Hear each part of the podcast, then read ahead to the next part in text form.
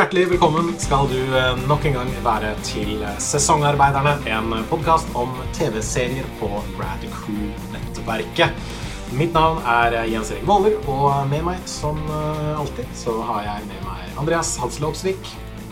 Hei, jeg heter Andreas Hadsel Opsvik. Og jeg har med meg Herman Strand Lilleng. Hei, jeg heter ikke Andreas Hadsel Opsvik. Det stemmer, du heter eh, Herman Strand Lilleng. Og jeg har med meg Ida Doris Joint. Hei, jeg heter nesten uh, Andreas Hadsel Opvik. Nei da. Det er noe bokstav, det er noe bokstavoverlapp der. Lillesøsteren min heter Andrea til mellomnavn. Det er kanskje det nærmeste vi kan Det er nok det nærmeste vi kommer, ja. Mm. Uh, vi er uh, en, som sagt en podkast om uh, TV-serier. Vi kikker og diskuterer og analyserer og alt mulig rart oss gjennom en, en TV-serie av gangen. Et par episoder per episode. Og nå for tiden sitter vi og følger med på Neon Genesis Evangelion. og ja, Har du ikke fulgt med før, så lurer jeg på hvorfor du har hoppet inn akkurat nå. Fordi du burde kanskje høre på de to forrige episodene, så vet du kanskje ikke helt hva som kommer til å skje. Ellers er det bare litt um, spenning i hverdagen. Mikser det up. Ellers er det litt spenning i hverdagen, ja. Hør på denne podkasten på shuffle for å gjøre det ekstra spennende. vi, uh, vi har kommet til uh, en ny bolk med episoder. Dette som er det Reddit kaller Action Arc del 1. Så vi har eh, fram til nå snakket om eh, episode 1 til og med 7. Og i dag så skal vi ta for oss episode 8, 9 og 10. Eh, og eh, ja The Action Arc kaller Reddit det, fordi det er nå det det er nå det skjer litt ting. Det er nå det er mye Det er nå det kanskje Evangelion går litt inn i en slags Monster of the Week-type struktur. Uh, samtidig som vi også da får litt mer utdyping av uh, universet og hva som skjer med, alle disse rollefigurene våre. Vi kan ta en liten oppsummering. Uh, episode 8, Asuka arrives in Japan, der Shinji og vennene hans blir med Misato på tur for å eskortere Ava nummer to og den nye piloten tyske Asuka Langley Soryu til Japan. Og på veien så blir de angrepet av enda en engel. Og eh, I kampen så knuser Asuka og Shinji sammen tidligere synkroniseringsrekorder. Samtidig møter vi fuckboyen Kaji, som leverer et embryo til eh, Gendo. Veldig bra det, det, oppsummering. Det, det, er veldig gøy å, det er veldig gøy å skrive de oppsummeringene, og så at du ikke har lest dem før du kom på, eh, på ja. det, det, anbefaler jeg. Dette, dette, liker jeg veldig veldig godt. Men jeg er enig. Kaji er en fuckboy. Og eh, ja, jeg har ord å si om Kaji. Tror vi alle har jeg har også skrevet i mine egne notater Uh, Kaji, Kaji fuckboy. Fuckboy extraordinaire. Mm. Ja. um, episode 9, Mind Matching Moment. En ny engel dukker opp fra havet som kan bli delt i to. Og fremdeles uh, leve. Fremdeles leve, tror jeg det heter. Jeg leser, uh, jeg leser på nynorsk, men jeg oversetter til bokmål i hodet mitt. Uh, etter å ha blitt, etter å ha blitt slått må altså Yes. Etter å ha blitt nedkjempet må Asuka Shinji bli et uh, lag og trene seg opp, bl.a. med DDR-dans, for å bli helt samkjøret og nedkjempe uh, engelen. Og så episode 10, The Magma Diver. Uh, Shinji og gjengen skal på klassetur, men de får ikke lov til å dra. Langt nede i en vulkan blir et embryo av en engel funnet, og Asuka drar ned i en uh, bobledrakt som antagelig har vekket en og annen inflation fetish hos mange en anime-fan. Det sto i mine notater. Yes. og Shinji står ved overflaten og egentlig bare passer på en veldig Asuka-fokusert uh, episode. Magma Diver der, altså. Så disse tre episodene er jo på en måte det som uh, introduserer og utdyper uh, Asuka, hvem hun er, hvordan hun passer inn i dette, dette teamet med Ava-piloter. Nå er vi oppe i tre stykker. Og vi får litt mer eh, utdyping av um, hva som skjer rundt alt dette her. Jeg tror kanskje dette er første gangen human instrumentality blir nevnt i serien. Fordi ja, Kaji, Kaji, har levert et slags embryo til Gendo. Hmm, interessant. Og vi får bl.a. vite at dette er the first human Adam i episode 8. Så hva, hva syns folk om dette her? Er det noen, er det noen hotte takes helt, fra, helt i begynnelsen? Jeg tror den, altså, den serien trass... her med episoder har jo en god del plass til hotte takes. Så det spørs bare litt hvor vi skal begynne, egentlig. Skal vi begynne med det hotteste, eller skal vi begynne med liksom uh... Ja, for du har så, så, uh, vi, vi, gikk rett vi gikk, vi gikk, jo rett inn i liksom high school uh, nudity-opplegget her i, i ja. Um, det, det, er jo liksom 'Velkommen Asuka'-episodene. Ja. Punktum, kan mm. vi jo si. Det er jo Asuka-ark. Uh, oppleves det i hvert fall for meg hittil. Det er liksom introdusere og vise forskjellen mellom hun og de andre pilotene, kanskje. Hvis vi kan kanskje begynne der. Ja. Jeg kan si så mye at da jeg så Evangelion for første gang, så syns jeg Asuka var kjempeirriterende. Jeg syns ja. hun var utrolig slitsom og gnålete og bare Hun kommer inn og skal bare ødelegge den dynamikken vi har i teamet fra før av. Og jeg vet ikke om det var måten hun var skrevet på, eller liksom, måten hun ble spilt på av skuespillerne, skuespilleren, eller hva det var. Men jeg, bare, jeg syntes hun var ja, det er liksom Der man sitter og ser på Shinji og tenker 'sett deg i den helvetes roboten', så, ser jeg ved Asuka, så sitter jeg og ser på Asuka og tenker 'kan du slutte å være så jævla masete og bare gjøre som du blir fortalt, og ikke være en 14 år gammel jente, please'? Mm. Men, ja, men da, men, da kommer vi jo til roten ved hele problemet her, og det er jo at alle er 14 år gamle. ja, ikke sant? Alle er hormonelle, alle er slitsomme. Det var som jeg sa når jeg så ja, på i går, så så, jeg, så så, jeg, på sammen med Joakim. Vanligvis så ser jeg på mm. disse episodene sånn aleine, men um, Og det er vel i episode åtte, rett etter de liksom har faila i å, å, bekjempe den engelen, så begynner jo Asuka og Shinji å krangle. Skikkelig mm. sånn der standard high school. Sånn derre 'Å, nei, men du gjorde det, og jeg gjorde det', og, mm. da, uh, og det blir sånn der skikkelig bickering, da. Og da var det vel Joakim som påpekte det, at det var sånn herre hm, Kanskje dere ikke skulle latt 14-åringer gjøre det? Hvis dere ville Ja, men de sa jo det De har jo sagt det i en forrige episode at eh, nei, vi må sette vår lit til 14-åringer. De er de eneste som kan gjøre dette her. Så ja. Eh, det, det, er bare sånn det er. Men uh, ja. da må man ta konsekvensene av det også, si. Mm. Men uh, kompisene til Shinji, uh, Toji og Kensuke De har jo samme reaksjon som deg, Jens Erik. Uh, ja faen være irriterende som kommer og bare er bitchy og skal bestemme alt og uh, kan roe seg ned. Uh, mm. Riktignok stopper ikke det dem fra å eh, selge foto av henne. Snikfotografering. Snikfotografering. Det er litt sånn, ja. sånn upskirt-bilder og mye bilder av oh. lår og fjes og utringninger og alt mulig rart. Og ja. jeg, jeg sitter og liksom tenker at setningen Fordi hun sier på et tidspunkt 'Why are guys so stupid and horny?' Og da føler jeg at dette er liksom Hideaki Anno sitt syn på de, altså på, på de mannlige hovedpersonene i serien hans i et nøtteskall. Det er, liksom, mm. det er det han tenker om alle menn som ikke er Shinji i denne serien. Fordi ja, ja. Det er det som de oppfører seg.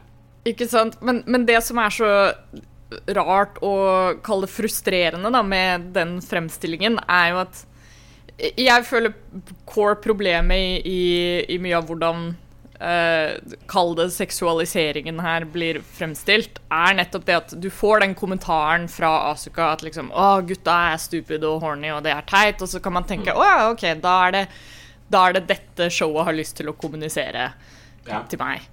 Men så får du liksom også presentert Asuka i en del sånne seksualiserte settings, og det er noe sånn male gaze-shots og sånt mm -hmm. av henne, og det er tydelig noe sånn herre um, publikums uh, uh, Hva skal man si Det er veldig mye sånn gratuitous shots som virker som om de er presentert til publikum. Liksom sånn Aha, se, her er Asuka skikkelig hot. Så det blir en sånn konflikt hele tiden mellom hva er det showet egentlig har lyst til å fortelle oss om det her, uh, som gjør at det er enda vanskeligere å liksom lande på hva man syns om Asuka som karakter. Eh, for du får liksom konstant litt sånn misvisende signaler fra teksten og det visuelle i showet, ja. og, og, hvordan de velger å presentere forskjellige temaer. Da. De prøver å få veldig pose og sekk samtidig. Ja, Eh, og det er liksom sånn som i den første episoden hvor det virker som om Asuka er veldig sånn in control, og hun ja, hun sier dette med liksom Å, gutta er stupid and horny, og, og, og, prøver å adressere det, og så får du sånn whiplash til neste episode hvor det er sånn Oi, hei, her sitter vi og selger bilder av Asuka mm. Uh, mm. vi, uten hennes konsent, og tjener fett på det, og hun får masse kjærlighetsbrev og er liksom sånn uh, Aska er uh, Det er meningen at vi skal liksom ogle henne på denne måten, da. Mm. For det, det, er jo en slags sånn kjendiskommentar på det òg inni de her tre episodene. Altså uh, Kaji, som blir introdusert, sier jo at, at Shinji er, er, nærmest som en kjendis å regne i, i, den, i hans del av verden, som jeg vil tro er mm. liksom alt annet mm. enn en Tokyo 3, kanskje. Eller han er jo en kjendis det, der òg. Det kan jo også jeg... at, måte, det, finnes, det, må jo finnes en tilsvarende variant her for uh, Asuka. Ja, og jeg, jeg tror um, jeg kanskje det er litt, artig, en, en, litt sånn artig kontrast oppimot Rei her, med, med, forhold til egen kropp og, og, ja. og, og måten serien på en måte prøver å takle det. Jeg skal, skal, igjen, litt som du sier det, jeg skal, jeg skal ikke si at det alltid er vellykka, eller at det alltid nei, nei. oppfattes som uh, alltid oppfattes som oppriktig, da, eh, som, som, du er inne på. Men mm. det, det, er jo, det, er jo, en eller annen variant her med at, at det skal være noe annet enn noe annet enn rei. En, en tydelig liksom, dreining bort ifra rei. Det er jo også eh, Jeg husker ikke så godt akkurat Jeg mener å huske at det er en linje som adresserer det. Eh, en eller annen sånn snedig sidekommentar eller noe sånt. Men det ligger jo også noe i det at Asuka skal jo være eh, hun er jo en, en vestlig karakter. Ja. Og at det blir Man snur den tropen litt på hodet, da, med Kall det en sånn fetisjisering av, av det eksotiske. Eh, det eksotiske. At liksom mm. Oi, hun er eh, Hun er fra Europa, liksom. Det er mm. kult og spesielt. mener å huske at det er en sånn liten kommentar som adresserer det, men det er jo også en del av, av hvordan man kan lese hennes presentasjon. da Mm. Og uh, Jeg husker ikke hvor jeg leste det, kan vel lenge siden, men uh, det er jo noe med det at Asuka er også veldig usikker på seg sjøl. Mm. I stor grad egentlig på samme måte som Shinji, ja. men uh, istedenfor å lukke seg sjøl inne, så eksternaliserer hun det, og uh, til en viss grad oppsøker denne type oppmerksomhet uh, inn i fiksjonen og bruker sin egen kropp fordi hun vet at OK, det, liksom, det gjør folk enten utilpass eller kåt. eh, og likevel får hun liksom en slags validering eh, på at hun har kontroll. Eh, og, da, og hun gjør det spesielt mot eh, de to mennene som ikke allerede gir henne oppmerksomhet, som er Shinji og Kaji. Mm. Og, det, og det er jo en fin variant der med at det eneste vi ser i løpet av de tre episodene som får deg til å tenke på at det er en dårlig idé å get in the fucking robot, er den gangen hun, hun trykker på en knapp og, som gjør til at uh, At drakta hennes gjør til at hun ser feit ut. Mm. Eneste gangen, eneste gangen hun, hun, liksom sier sånn Nei, alvorlig talt, det her går faktisk ikke an. Og det er ikke fordi det er dødsfarlig. Det er ikke fordi det er en kortfatta og dum og lite planlagt uh, spontan idé.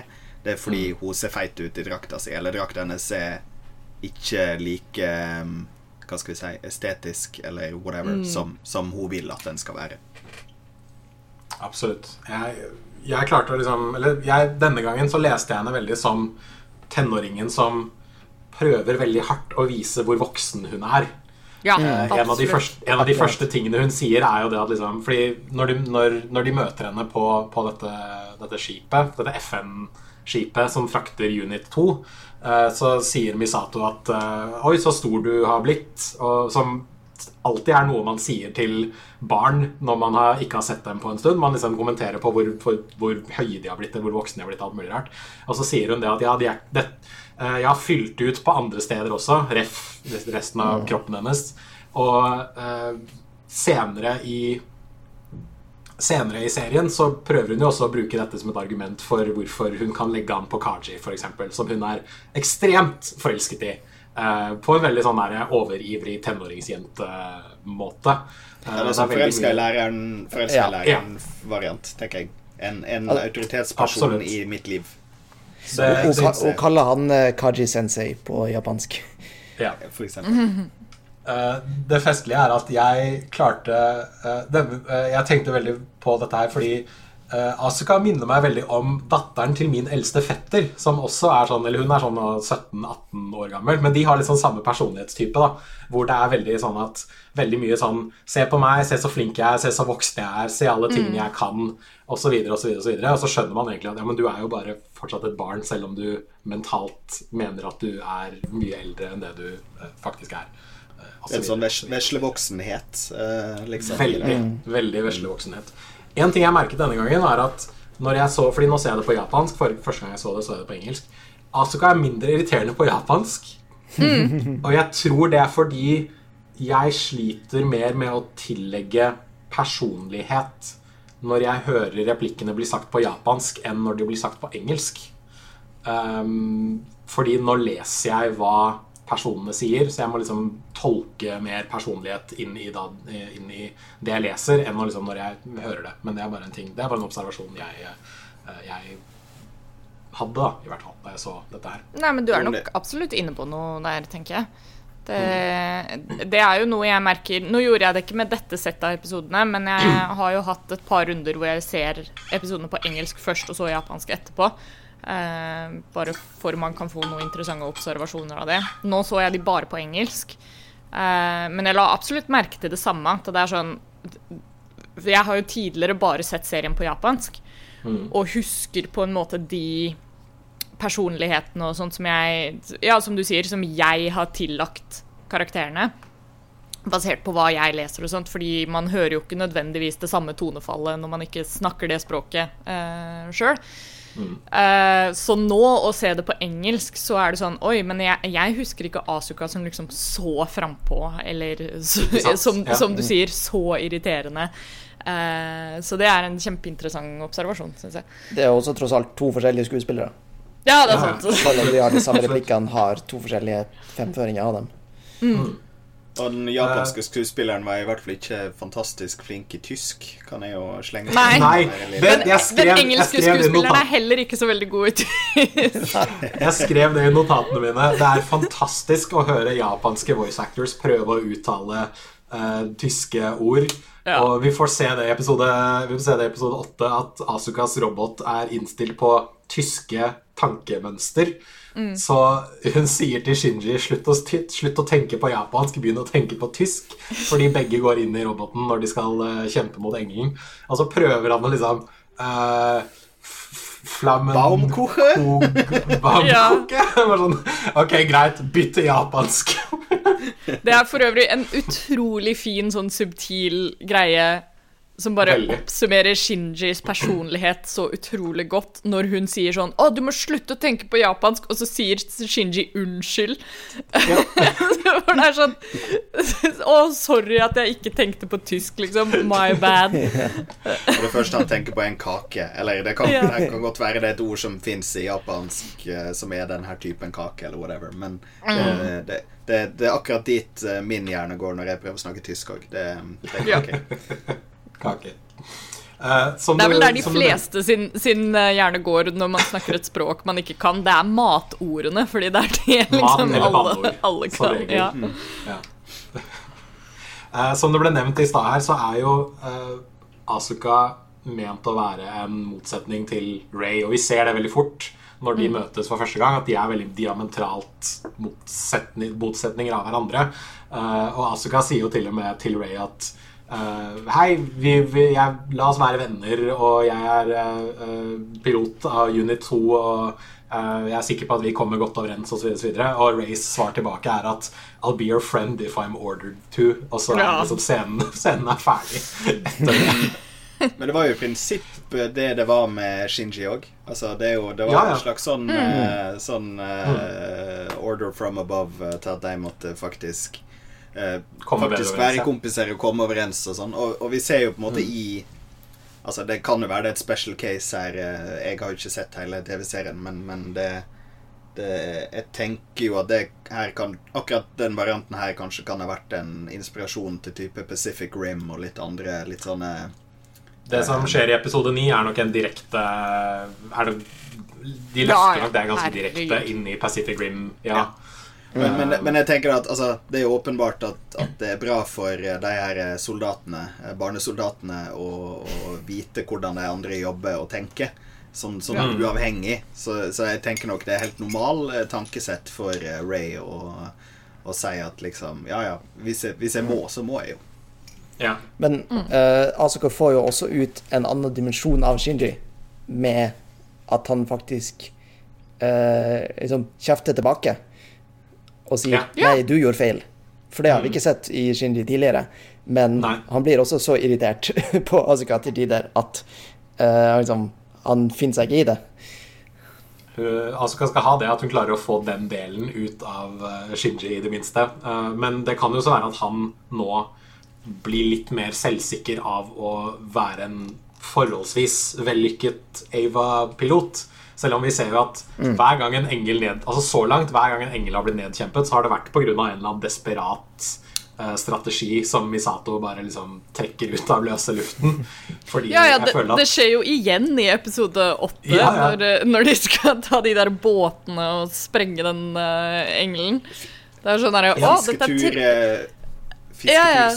Er jo kjempefint. det er sånn tredje episoden på rad at Misato kommer og er sånn All right, guys, here's the plan. I don't know if it's gonna work, episode, but og det skjer igjen i episode only 9. Og Ja, det er sånn på meg sant! det er, eh, det er veldig festlig det å se at hver, altså de møter engelen, de blir banka sønder og sammen. Og så må de finne på en eller annen strategi som de ikke har gjort før. Ja, Mm. Men da er det faktisk Kaji som kommer med planen på, på en diskett via Ritsugo. Det er Ja, sant. det er for så vidt sant. Den, den danse, dansenummeret. Så det, det, skal, det, skal, det skal Kaji ha. Uh, han, er en, han er en fuckboy og antagelig Og antagelig. Han er en fuckboy, og han er veldig rapy, uh, men Ja, han han hadde i det minste en god plan. Fordi uh, Ja, det er en scene i Er det episode åtte, ni, kanskje? Ni Ni. eller ti?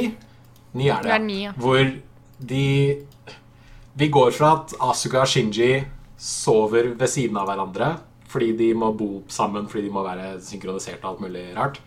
Og Shinji er veldig nær ved å kysse Asuka fordi hun legger seg ved siden av han. Uh, og så velger han å ikke gjøre det likevel fordi hun drømmer om moren sin. Der kommer dette med mødre igjen, Andreas. Dette var interessant. Um, Hello. og så bare Og så sier han at You're just as much as kid as I am. Og så bare smash cut til en heis hvor Kaji står og holder Misato fast mens han tvinger seg innpå henne. Og jeg holder på å spy fordi det er så ekkelt å se på. Ja. Og jeg, jeg skrev her 'Your lips didn't tell me to stop', og så skrev jeg 'fuck deg, Kaji'. skrev jeg. ja, det er så Eh, gross! Misato, Misato og Kaji har en fortid som Misato angrer skikkelig på.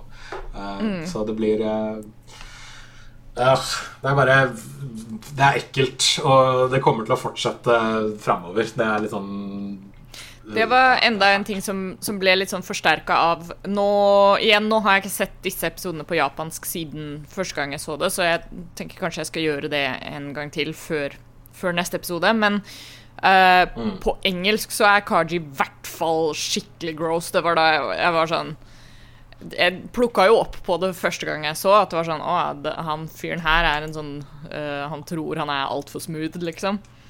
Mens i den engelske dubben så kommer det så tydelig fram hvor fuckboy han er. da Han har den der ekle sånn der fuckboy-måten å snakke på, og det er sånn Ugh, gross!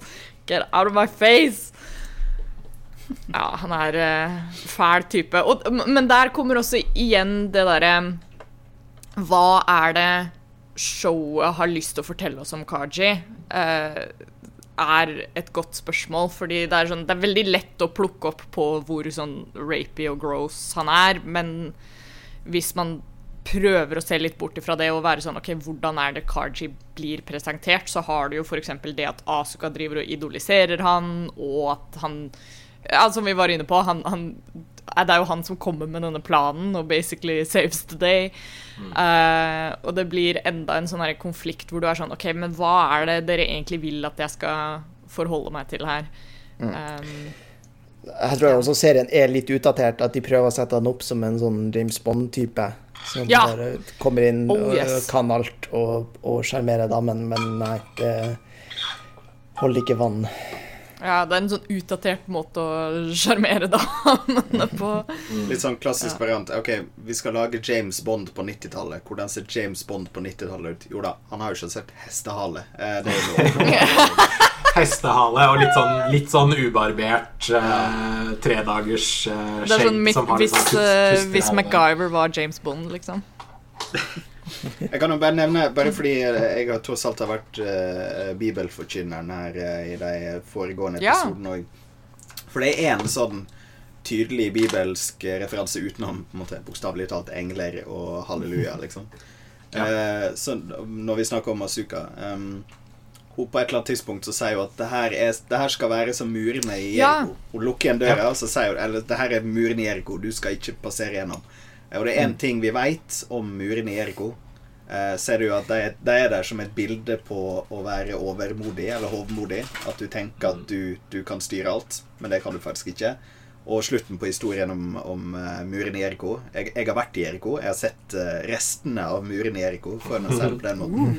Uh, og de har falt. Um, ja. Og det skjer vel kanskje allerede her i løpet av de tre episodene vi ser her, at hun på en måte bygger opp et forsvarsverk som på en måte stadig Shinji får litt mer innpass igjennom, eller litt mer sånn synkronisering, hvis vi skal, skal si det fint. Men, men den er Jeg, jeg syns den var litt morsom. Ikke bare er det hun som bygger det opp, det er jo også hun som river det ned. Fordi hun våkner midt på natta, mm. åpner denne soveromsdøra, går på do, og så legger hun seg ved siden av Shinji fordi hun kanskje går i søvn, kanskje hun er våken, hvem vet. Og så eh, drømmer hun om moren sin, og ja. Um, det er, eh, det er, vi får se mer, mer av uh, Asuka uh, i uh, episodene yes. som, som, kommer. Og dette er en god introduksjon til henne og hennes personlighet og hvordan hun passer inn i dette trekløveret med Eva-piloter. en ting som er interessant her, er at vi får vite at Unit 2 er liksom den første litt sånn produksjonsenheten der uh, episode, episode, Unit 0 er prototypen, Unit 1 er testtypen, og Unit 2 er da liksom den første som har blitt på en måte satt i liksom ordentlig produksjon da, etter at all testing og prototype og sånt nå er ferdig. Og vi vet jo at det lages til og med Unit 8, er det vel? 8 er det vel de har nevnt sist, ja. Mm. ja. Så vi får håpe at det kommer flere, flere etter hvert da, i hvert fall. Um, vi får det... håpe at Er det bare du som prøver å beskytte mine spoilersarte ører, eh, Jens Erik? Jeg, hører, jeg, hører deg, jeg hører deg snakke her. Eh, jeg har vel notert meg et eller annet sted i notatene mine her at uh, bokstavelig talt det Jeg regner med vi kommer til å få møte flere piloter slash units, men um, Altså, jeg kan, jeg kan, si såpass at ja, vi får flere, møte flere piloter. Ikke sant? Mm. Det kan jeg, såpass kan jeg si.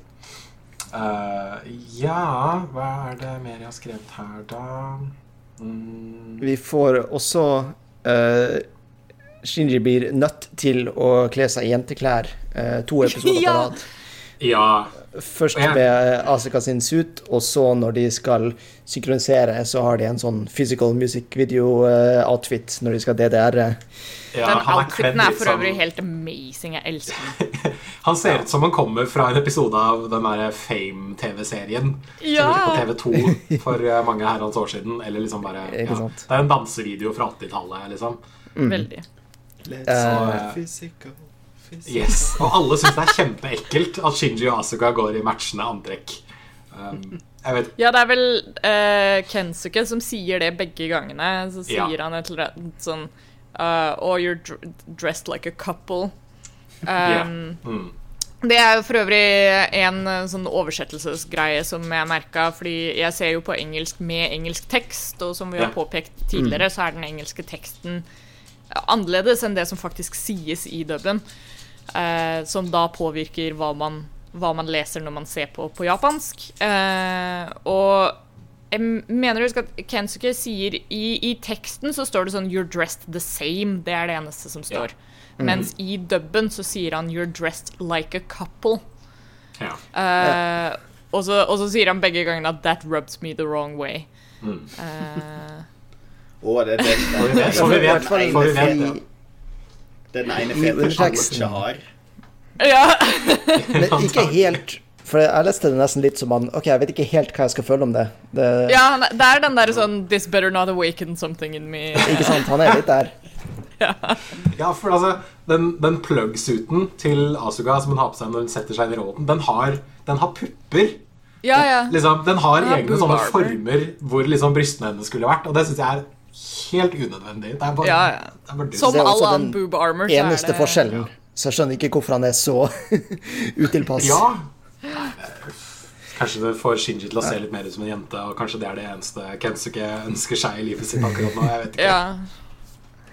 Men eh, du, Shindy har også i eh, episode ti, eh, etter de her to, sånn når han bare sitter og spiser frokost, så har han på seg en veldig sånn løs skjorte med nesten uten uh, ermer og veldig åpen hals, som ser mer ut som en bluse, egentlig. Ja, jeg, jeg jeg, jeg, har han bare fått smaken på det, kanskje?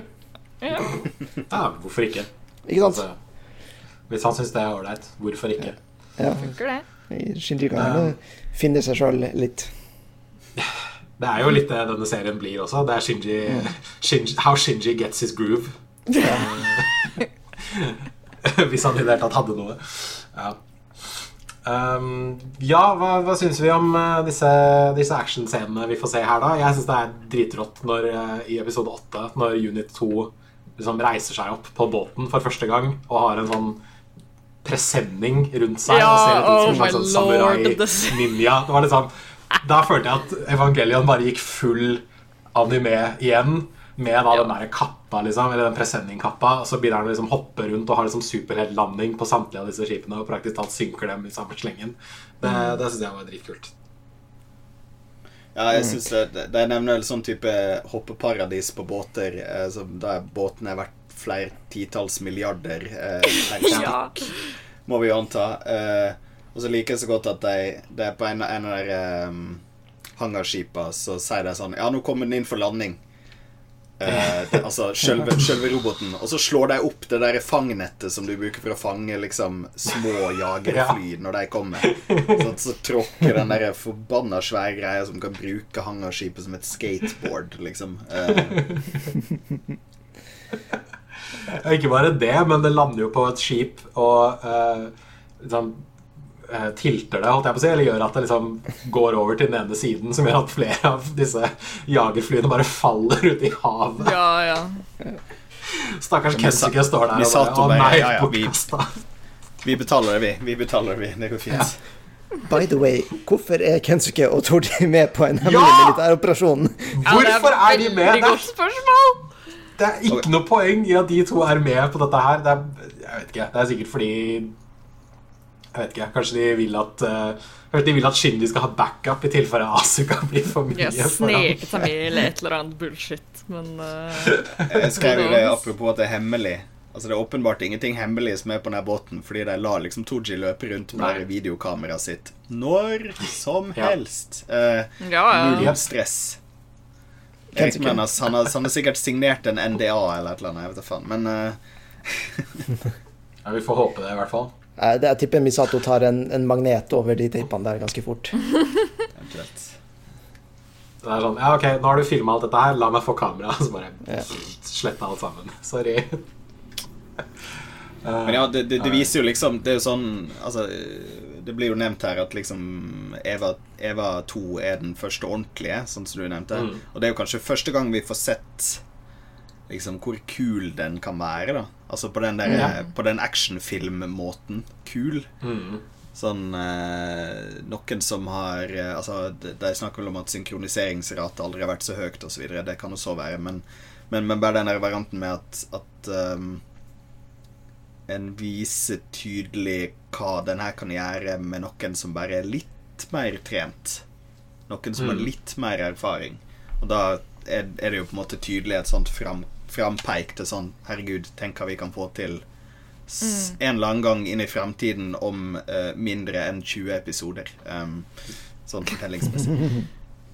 Ja, Asuka nevner jo det også, gjør hun vel ikke, i Når hun forklarer det der med prototype og, og sånne ting, så nevner hun at det her er den første Evaen som du liksom må ha trening for å kunne bruke. Uh, hun nevner i hvert fall noe sånt nå, at, uh, at liksom Shinji Ja, greit nok at du liksom kan synkronisere med Evaen din og sånt, men, men at Unit 2 krever også noe sånn spesiell trening. Eh, og og det, det er jo det som kanskje vises her, da. At liksom, OK, Shinji kan på en måte få jobben gjort, men han har ikke det liksom Han har ikke den taktiske treninga innabords, da. Mm. Men det er jo også da litt uh, ute av rekkefølge her, fordi Asuka omtales jo som The Second Children. Stemmer. De, de, de, hun er den andre piloten de fant, men ja. hun mm. har den nyeste uh, Mekken, mens Shindy, som er det nyeste, har den som ble laga midt i, som er liksom testen. Mm. Hmm, ja, det er litt rart, egentlig.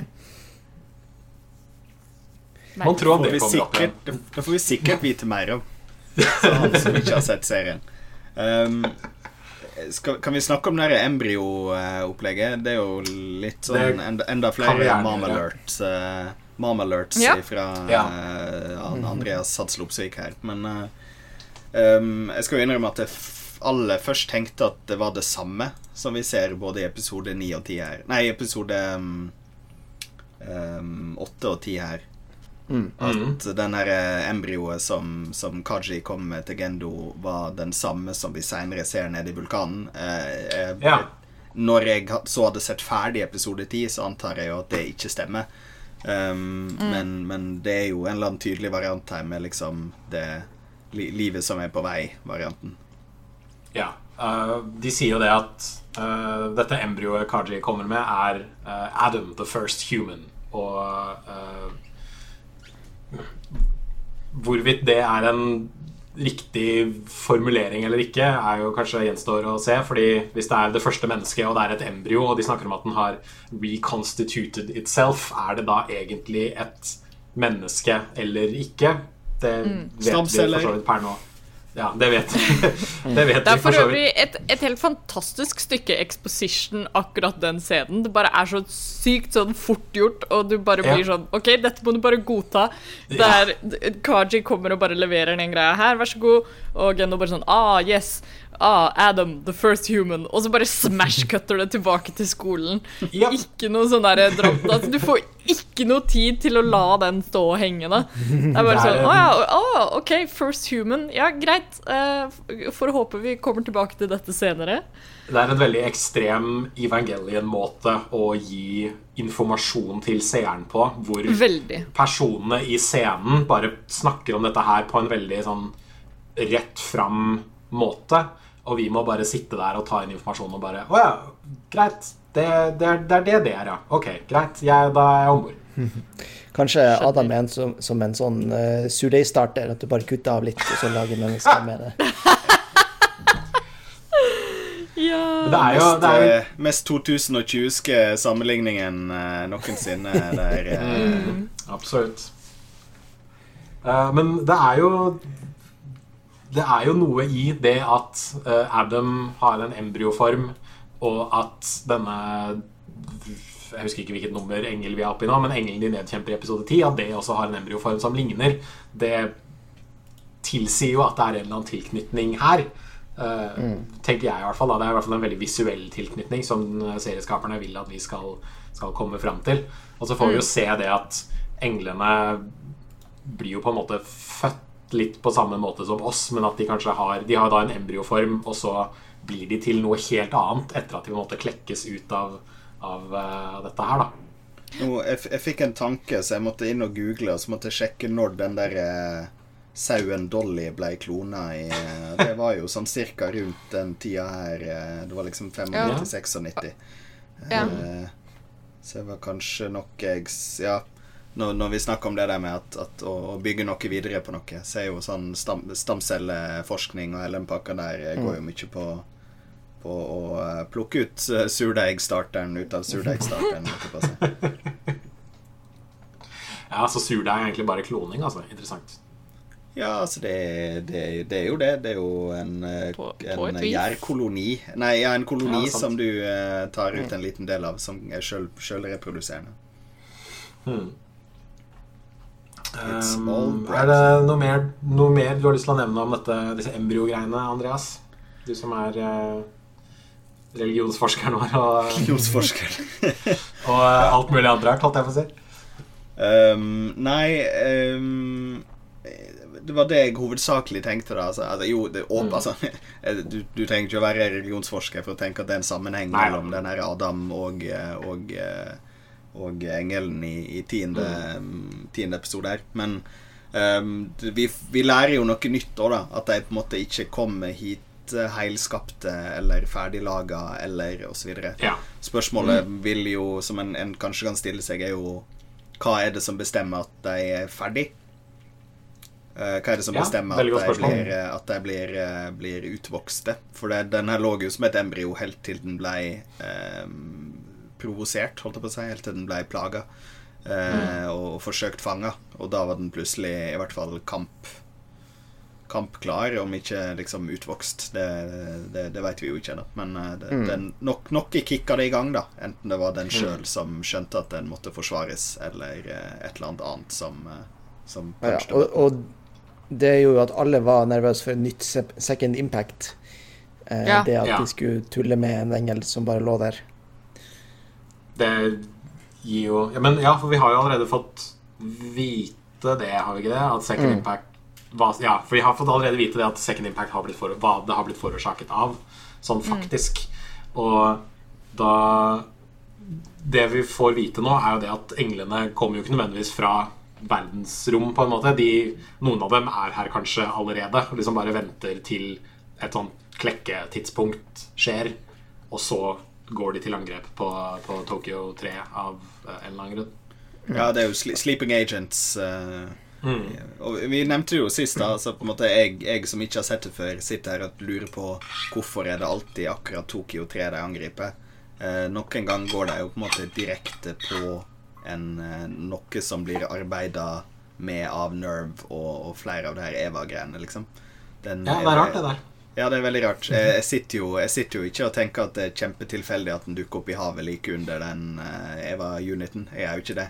Uh, jeg har sett såpass med, med narrativ tidligere, liksom. Det er, jo, altså, det er jo ekstremt åpenbart da når de sier i episode åtte at uh, It's like it's after something, og så umiddelbart kutter ja. det til kofferten til Kaji, og han står på en telefon, og noen sier til han at hvis du må, så stikk av uten de andre. Og i neste scene vi møter han, så sitter han i et jagerfly som bare tar av eh, fra, bye bye. fra dette hangarskipet. I sånn, true fuckboy-stil. Hmm. ikke sant? Det er sånn Hm, ja, jeg tror kanskje de var etter noe. Ja. Kanskje noe som var i denne kofferten. Muligens. Mm. Um, hva skal vi si jo, uh, apropos Second Impact. Ja. Um, det er også en detalj vi får i denne undervannskampen. er at De kommer ned på havbunnen, og så er det masse ruiner av en by der. Mm. Så der ser du også uh, mer uh, liksom, hvor mye skade Second Impact har forårsaka. Ja. At uh, havnivåene gikk jo opp. Og vi får jo til og med se Fordi de kommer til en by i Japan som har vært liksom formally known as. Og så har det et annet navn, så jeg antar at dette er liksom mm. Her har de bygget noe på ruinene av noe som ble satt liksom halvveis under vann takket være second impact, og takket være at uh, havnivået steg så mye som det gjorde. Ikke sant. Uh, ja. Um, jeg fant ut på internett at uh, The Magma Diver episode 10 er visstnok den episoden folk liker minst i, fan, i fandomen. Ja. What? Jeg skulle til å si at liksom jeg digger denne episoden. jeg syns den er dritfett. Fordi, uh, fordi det, er, altså, det er jo en episode med mye Asuka fanservice. Hun går og kjøper en uh, two-piece uh, badedrakt. Det er veldig mye liksom, fokus på rumpa hennes, fokus på puppene hennes som hun dytter opp i fjeset til Shinji.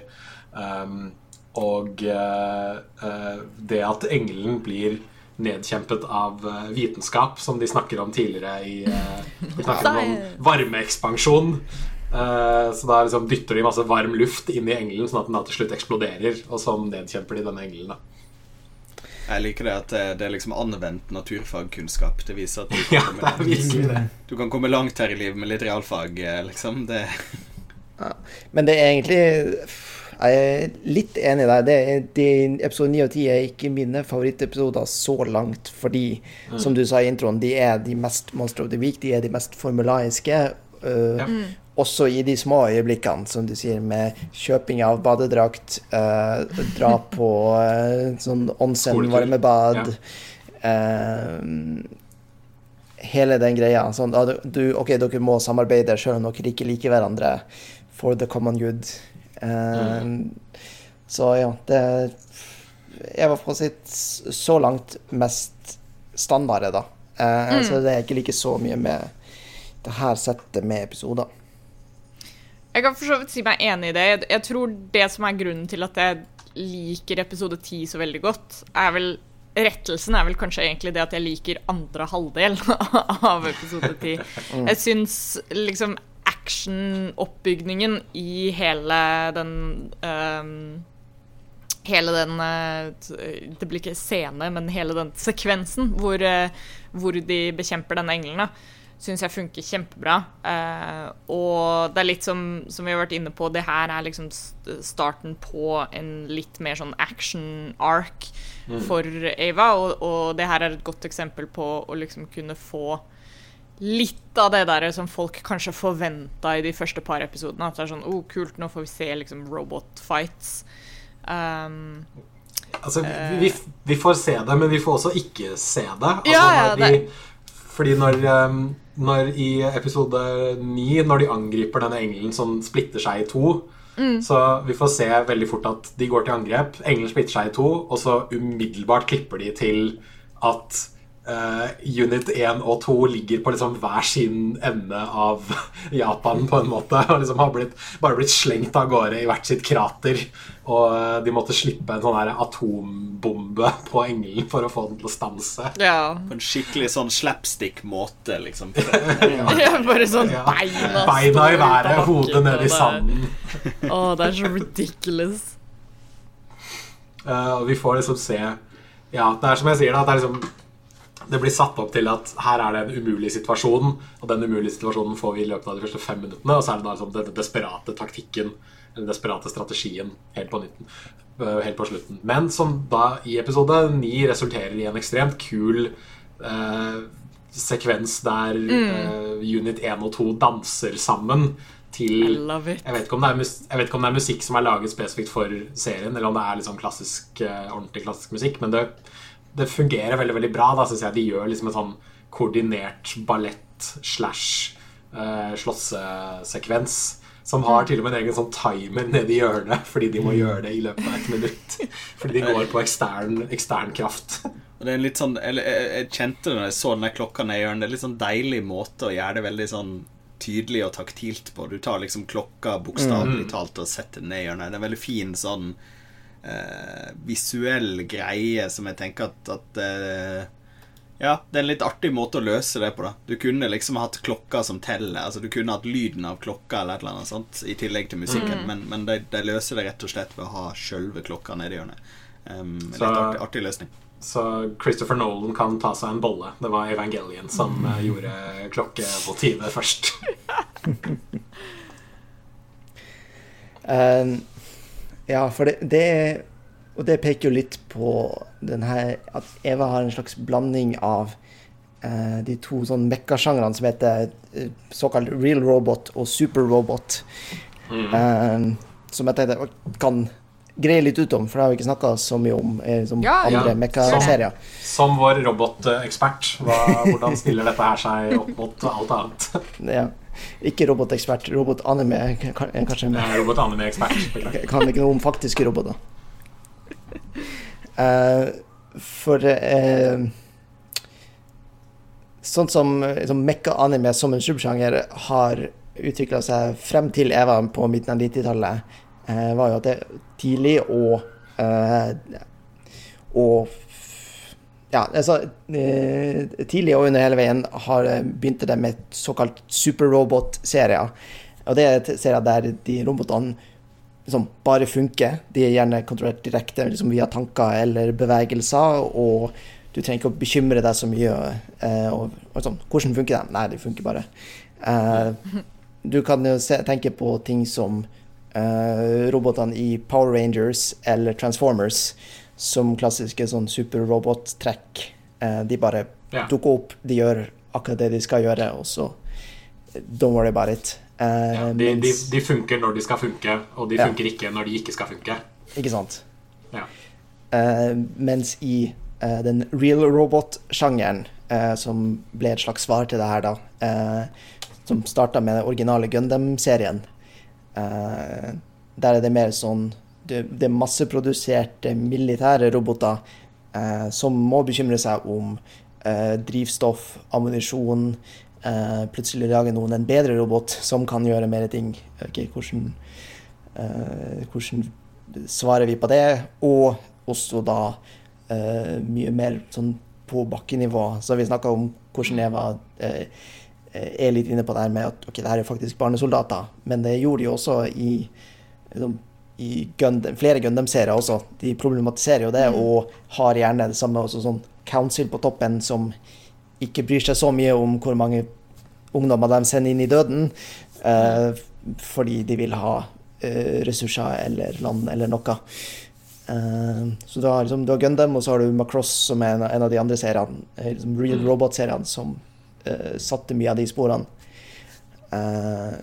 Men man ser jo litt av begge i Evangelien. Mm. Sånn som du, Jens Erik, nevnte, at den står der med en slags improvisert kappe og hopper fra skip til skip. Uh, det er jo typisk sånn veldig sånn super robot-greie, og de bare kontrollerer dem med tankene sine. Men ja, så har du det med de, at ja. ja. um, de har noen sånne Oculus Rift-aktige ting som de liksom holder i, og så beveger de litt på dem, men vi vet ikke helt hvordan, hvordan denne bevegelsen overføres til liksom, roboten går et skritt, på en måte. Ikke sant. Men også de her håndtakene, det sier vi bare akkurat når vi trenger det, som er når de må gjøre det sammen. Ellers så ja. sitter de bare der. Ikke sant. Mm. Mm. Eh, men og, du har jo også sånne ting som at eh, ja, den kan bare funke et minutt uten strøm. Eh, de prøver å utvikle det hele tida, og du har enkelte eh, sånn Det er eh, Eh, magmasikre utstyret funker ikke til prototypen, f.eks. Det er ikke mm. kompatibelt. Uh, så du har liksom uh, Du har den miksen der, da, med at de har det liksom litt overnaturlig, og det er litt sånn Du strekker seg ganske langt, men du har også basert i OK, de må tenke på hvordan de faktisk produserer den her. Og, og, litt sånn eh, mil militærindustrielle kompleks-varianten med, med, hele den der infrastrukturgreia når de trengte strømmen fra hele Japan til å, å frakte. Ja. Det, det, er på en måte veldig sånn Altså, Jeg skal ikke si det er veldig jordlig og veldig nedpå, men det er veldig sånn gutta på gulvet-type eh, militærindustri, da, og ikke, og ikke mm. nødvendigvis det, det, er noe som er bestemt av noen. Det er ikke noe som bare skjer. Ja, og, og det gjør egentlig at jeg liker den sånn sniper-episoden bedre som en sånn crazy plan enn eh, det, det, at de må lære seg en DDR-dans for å bekjempe engelen. Ikke sant? Fordi det blir mer det som vi snakka om da, den crunchy sci-fi-greia. Mm. Som jeg foretrekker, i hvert fall. Men, men altså, hvis, hvis eh, Andreas Halslopsvik, som, som sitter her og ikke har sett fantastisk masse sånn crazy anime Altså, jeg har sett liksom mm. sånne eh, Miyazaki og Naruto, liksom, men, eh, men, ikke så veldig mye ut av det. Hvis jeg skulle ha tenkt sånn Ja, Andreas, nå skal du late som om du kan noe om japansk underholdningsindustri, og så skal du prøve å lage en crazy plan for hvordan to ungdommer skulle ha klart å redde verden, så kunne jo fint liksom den der varianten med sånn to barn må, må, lære seg DDR for å redde verden vært et plott som hadde stått i liksom I min sånn crazy anime-plottgenerator på internett, liksom. Det, det, det, føles veldig sånn Det føles riktig, da, for meg som, som igjen kanskje ser det litt utafra, men det føles veldig riktig på en sånn um, Kanskje jeg bare fetisjerer Japan, holdt jeg på å si, uh, igjen. Uh, Eh, men, men det, føles man... rikt, det, føles veldig riktig for, for, Kanskje ikke for sjangeren, men for liksom uttrykket som jeg forventer, mm. hvis jeg kan si det sånn, uh, av, av, av Kani med. Man har kanskje et bilde av en japansk arkade som et sted hvor det er en eller annen person som er superflink til å spille Dance Dance Revolution. Mm. Uh, og som da liksom tar en eller annen uh, newbie under sin vinge og lærer dem alt de kan, og så er de kjempedyktige. Og så vinner de pengepremien som skal redde kommunehuset, liksom. Barne, bar, barneheimen eller kommunehuset eller ungdomsklubben ja. eller hva, hva det er. Mm. Ja, det er, jo, det er, jo, det som uh, jeg skulle til å si, at jeg tror shortcuten her er jo det at Dance Dance Revolution er en veldig sånn fin, uh, gjenkjennelig uh, Kall det analogi for samarbeid. da. Um, og at det er uh, Det er enkleste måten å illustrere på en måte sånn Å, OK, vi må sørge for at Shinji og Asuka er godt synkronisert. Mm. Og for at det ikke skal bli for sånn derre sci-fi, crazy times, så må man grounde det litt. Grann. Så må de bokstavelig talt synkronisere seg sjøl? Ja, ikke sant? Ja, og, og jeg, kan, jeg, kan, se for meg at liksom, de kunne funnet andre måter å gjøre det på. Liksom. Men, men, akkurat den dansebiten bare, bare illustrerer det synkroniseringen ja. mye mer enn at de bare må samarbeide, uh, mm. føler jeg. At det illustrerer liksom viktigheten av at de, de, er på samme nivå, eller at de, de er såpass innsynk. Da. Eh, ikke bare at de klarer å jobbe sammen, på en måte. Hadde det, en, hadde det vært en norsk, en norsk, anime, så hadde det vært eh, liksom eh, sånn eh, line dancing eller et eller annet sånt. Jeg vet ikke, Hvis det liksom skulle vært Halling. Et, et, et, et lokalt, ja, altså et, eller annet lokalt eksempel på noe som skulle vært noe tilsvarende. Det er jo ikke at vi ikke Hoppe strikk. Ja, hoppe strikk, nettopp. Et eller annet sånt. Uh, ja. Mm. Det, det, du, du, ser noe der. Det er liksom en, en lokal shorthand som, som fungerer som, som mm. egentlig allegori på hele ja. Og det her var jo laga på 90-tallet også, da det, det der crazen var som størst. Det ser også skikkelig kult ut. Er, ja. Jeg tror det er det som liksom er til syvende og sist uh, motivasjonen for dette her. At liksom la oss, la oss få disse to uh, hovedpersonene til å jobbe sammen, og så lager vi en dritfet actionscene på slutten. Og så blåser vi resten av budsjettet i episoden på det ene minuttet med animasjonen.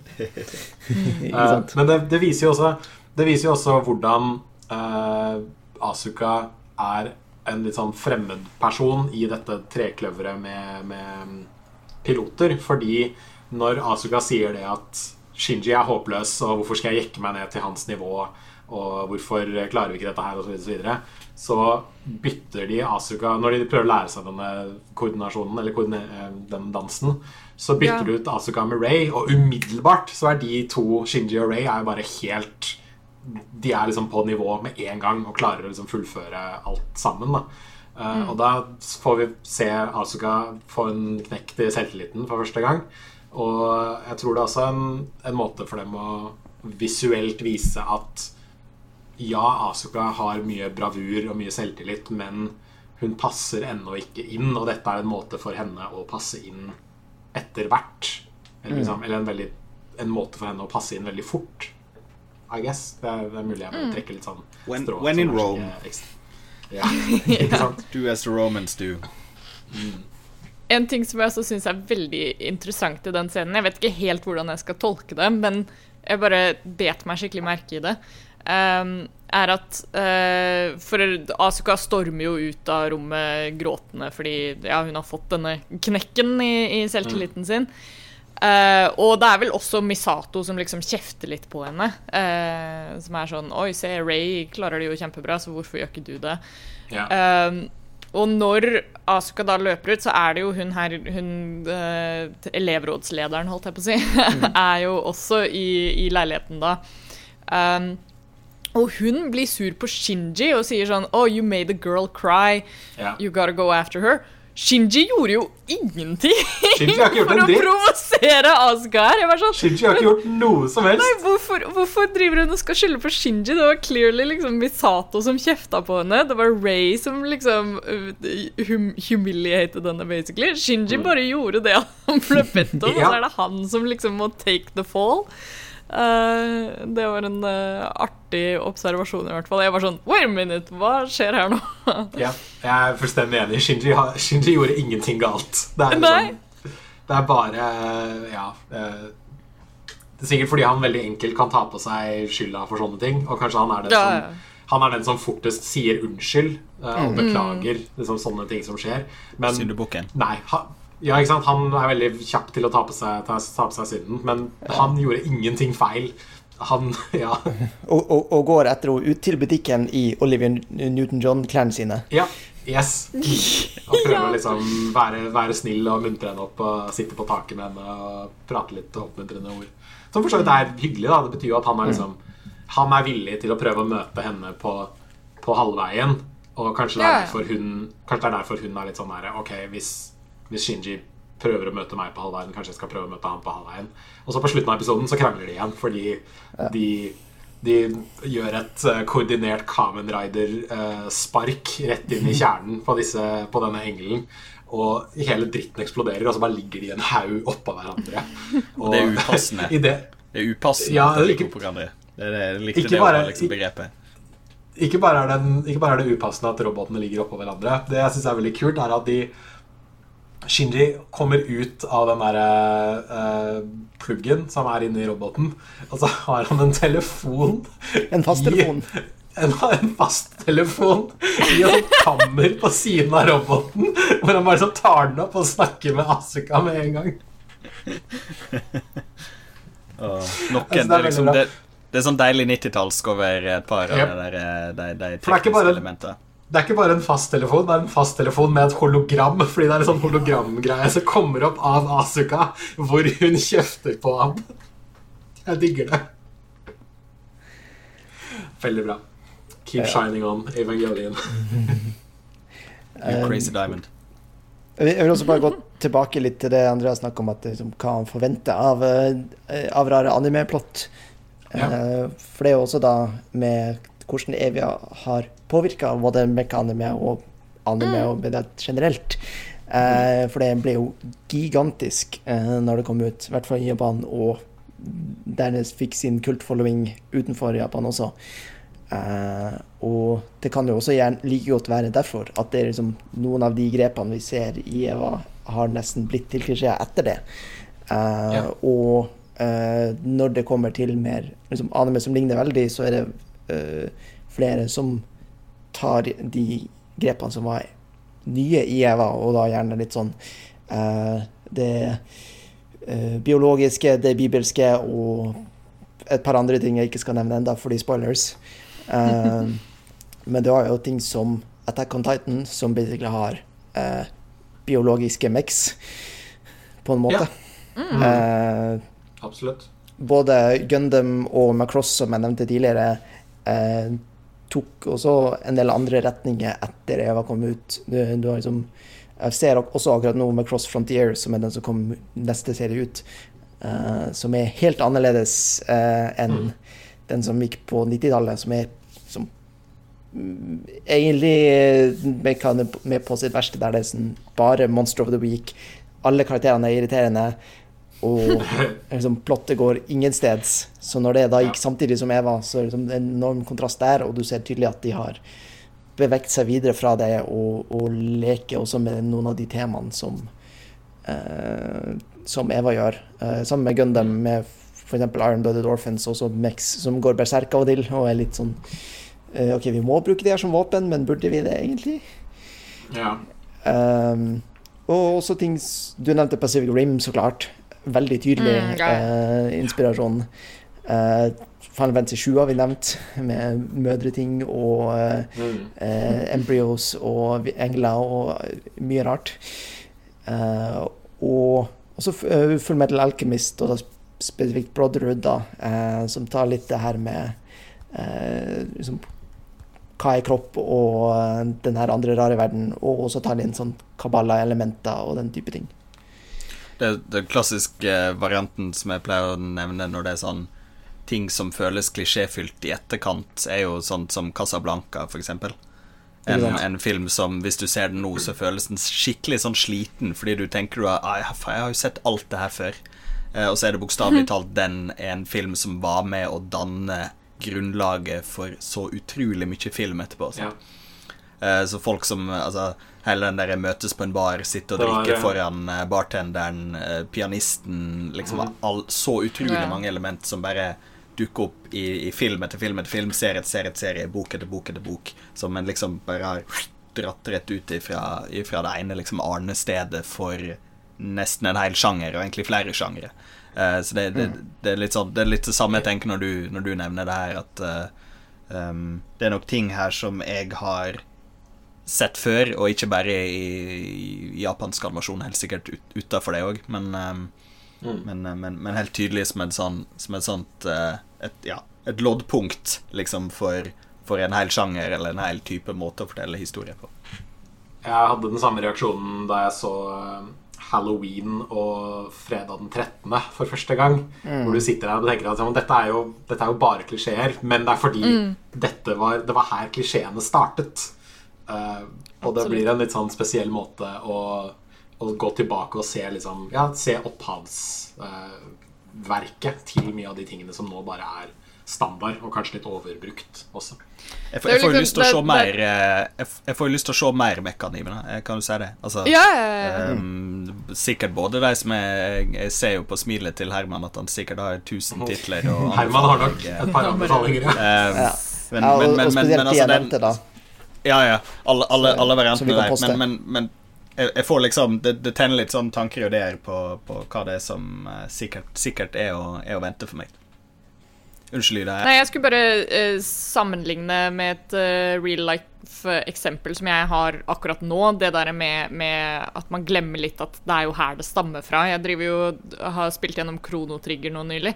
Um, og og mens jeg spiller det, så er det så mange steder hvor jeg er sånn herre Å, det er jo akkurat som i Dragon Quest 11, jo. Uh, og det er jo det er samme, samme, tekstforfatter som har skrevet begge spillene, og så tenker man jo sånn Å ja, nei, det er jo her Dragon Quest har tatt det fra. yeah. uh, og det er kjempeinteressant å gjøre med, med Eva også, bare uh, tenke på de tingene som dukker opp etter hvert når du ser på. At det er sånn Å, det her er jo akkurat som i bla, bla, bla. Og så tenker jeg at aha, ja, men det er jo fordi de har tatt det herfra. jeg, jeg så i hvert fall første gang jeg så Ava, så så jeg på Pacific Rim eh, rett etterpå. Og det var skikkelig kult, for da Så kul som den filmen er, så fikk den liksom en helt ny dimensjon mm. når du har eh, en, en, tilknytning til inspirasjonsmaterialet. Så det er veldig artig. Og nå har det jo til og med kommet en Pacific Rim-anime på ja, Netflix. vi har kommet full circle. Så sirkelen er nå sluttet. Tiden er en flat sirkel, yes. og uh, ingenting er uh, Ingenting er som du tror. Alt er det samme. Astronaut-meme. It always has been. ja. All right. Er det noe mer vi uh, har lyst til å nevne eller diskutere før vi runder av? Jeg har lyst til å bare høre mer om, om, hva Andreas tror kommer til å skje videre. For det syns jeg er den mest spennende delen av, ja. av å ha disse la oss ta, la oss ta vår, uh, vår episodesjekk-in med Andreas. Andreas Baar. Um, jeg uh, vi, det, kommer, det, kommer, til å være noe stamcelle, et eller annet opplegg. Kommer ikke det? Det kommer til å være noe bibelsk uh, Eh, nå prøver jeg å komme på om det Altså, vi har jo tvillinger i Bibelen. Vi har eh, det, det, det, kommer til å være et eller annet sånt. Det er min, min spådom. Altså et eller annet mm. opp, no, Noe blir skapt ifra noe annet i en eller annen tydelig og litt overtydelig bibelsk variant. Det er min, uh, mitt forslag. Nice. Ok, Da får vi se da om Andreas uh, har rett når vi i neste episode diskuterer episode 11, 12 og 13, er det vel vi skal til? Tror jeg. Ja. Mm. Uh, ja, innen den tid så er vi uh, Vi har vært sesongarbeidere, vi. Uh, mitt navn er Jens Erik Våler. Jeg har hatt med meg Andreas Herman og Ida. Og ja, følg oss på Twitter at sesongarbeid. Finn oss på Facebook, facebook.com slash sesongarbeiderne. Vi kommer også til å dele denne episoden i Radcrew Network sin Facebook-side. Mm -hmm. Og ja, gå gjerne tilbake og hør på de uh, forrige sesongene vi har uh, laget. Vi har en sesong om uh, Firefly av Joss Whedon, og vi har en sesong der vi ser og diskuterer oss gjennom Legion, som gikk på Fox i Norge. Har, dette er vår tredje sesong, vi har fem år med backlog fordi vi har tatt veldig mye pauser mellom sesongene. Men ja, vi høres neste gang, og takk for at du hørte på, hvis du har hørt på. Så sier vi ha det bra for denne gang. Bye, bye.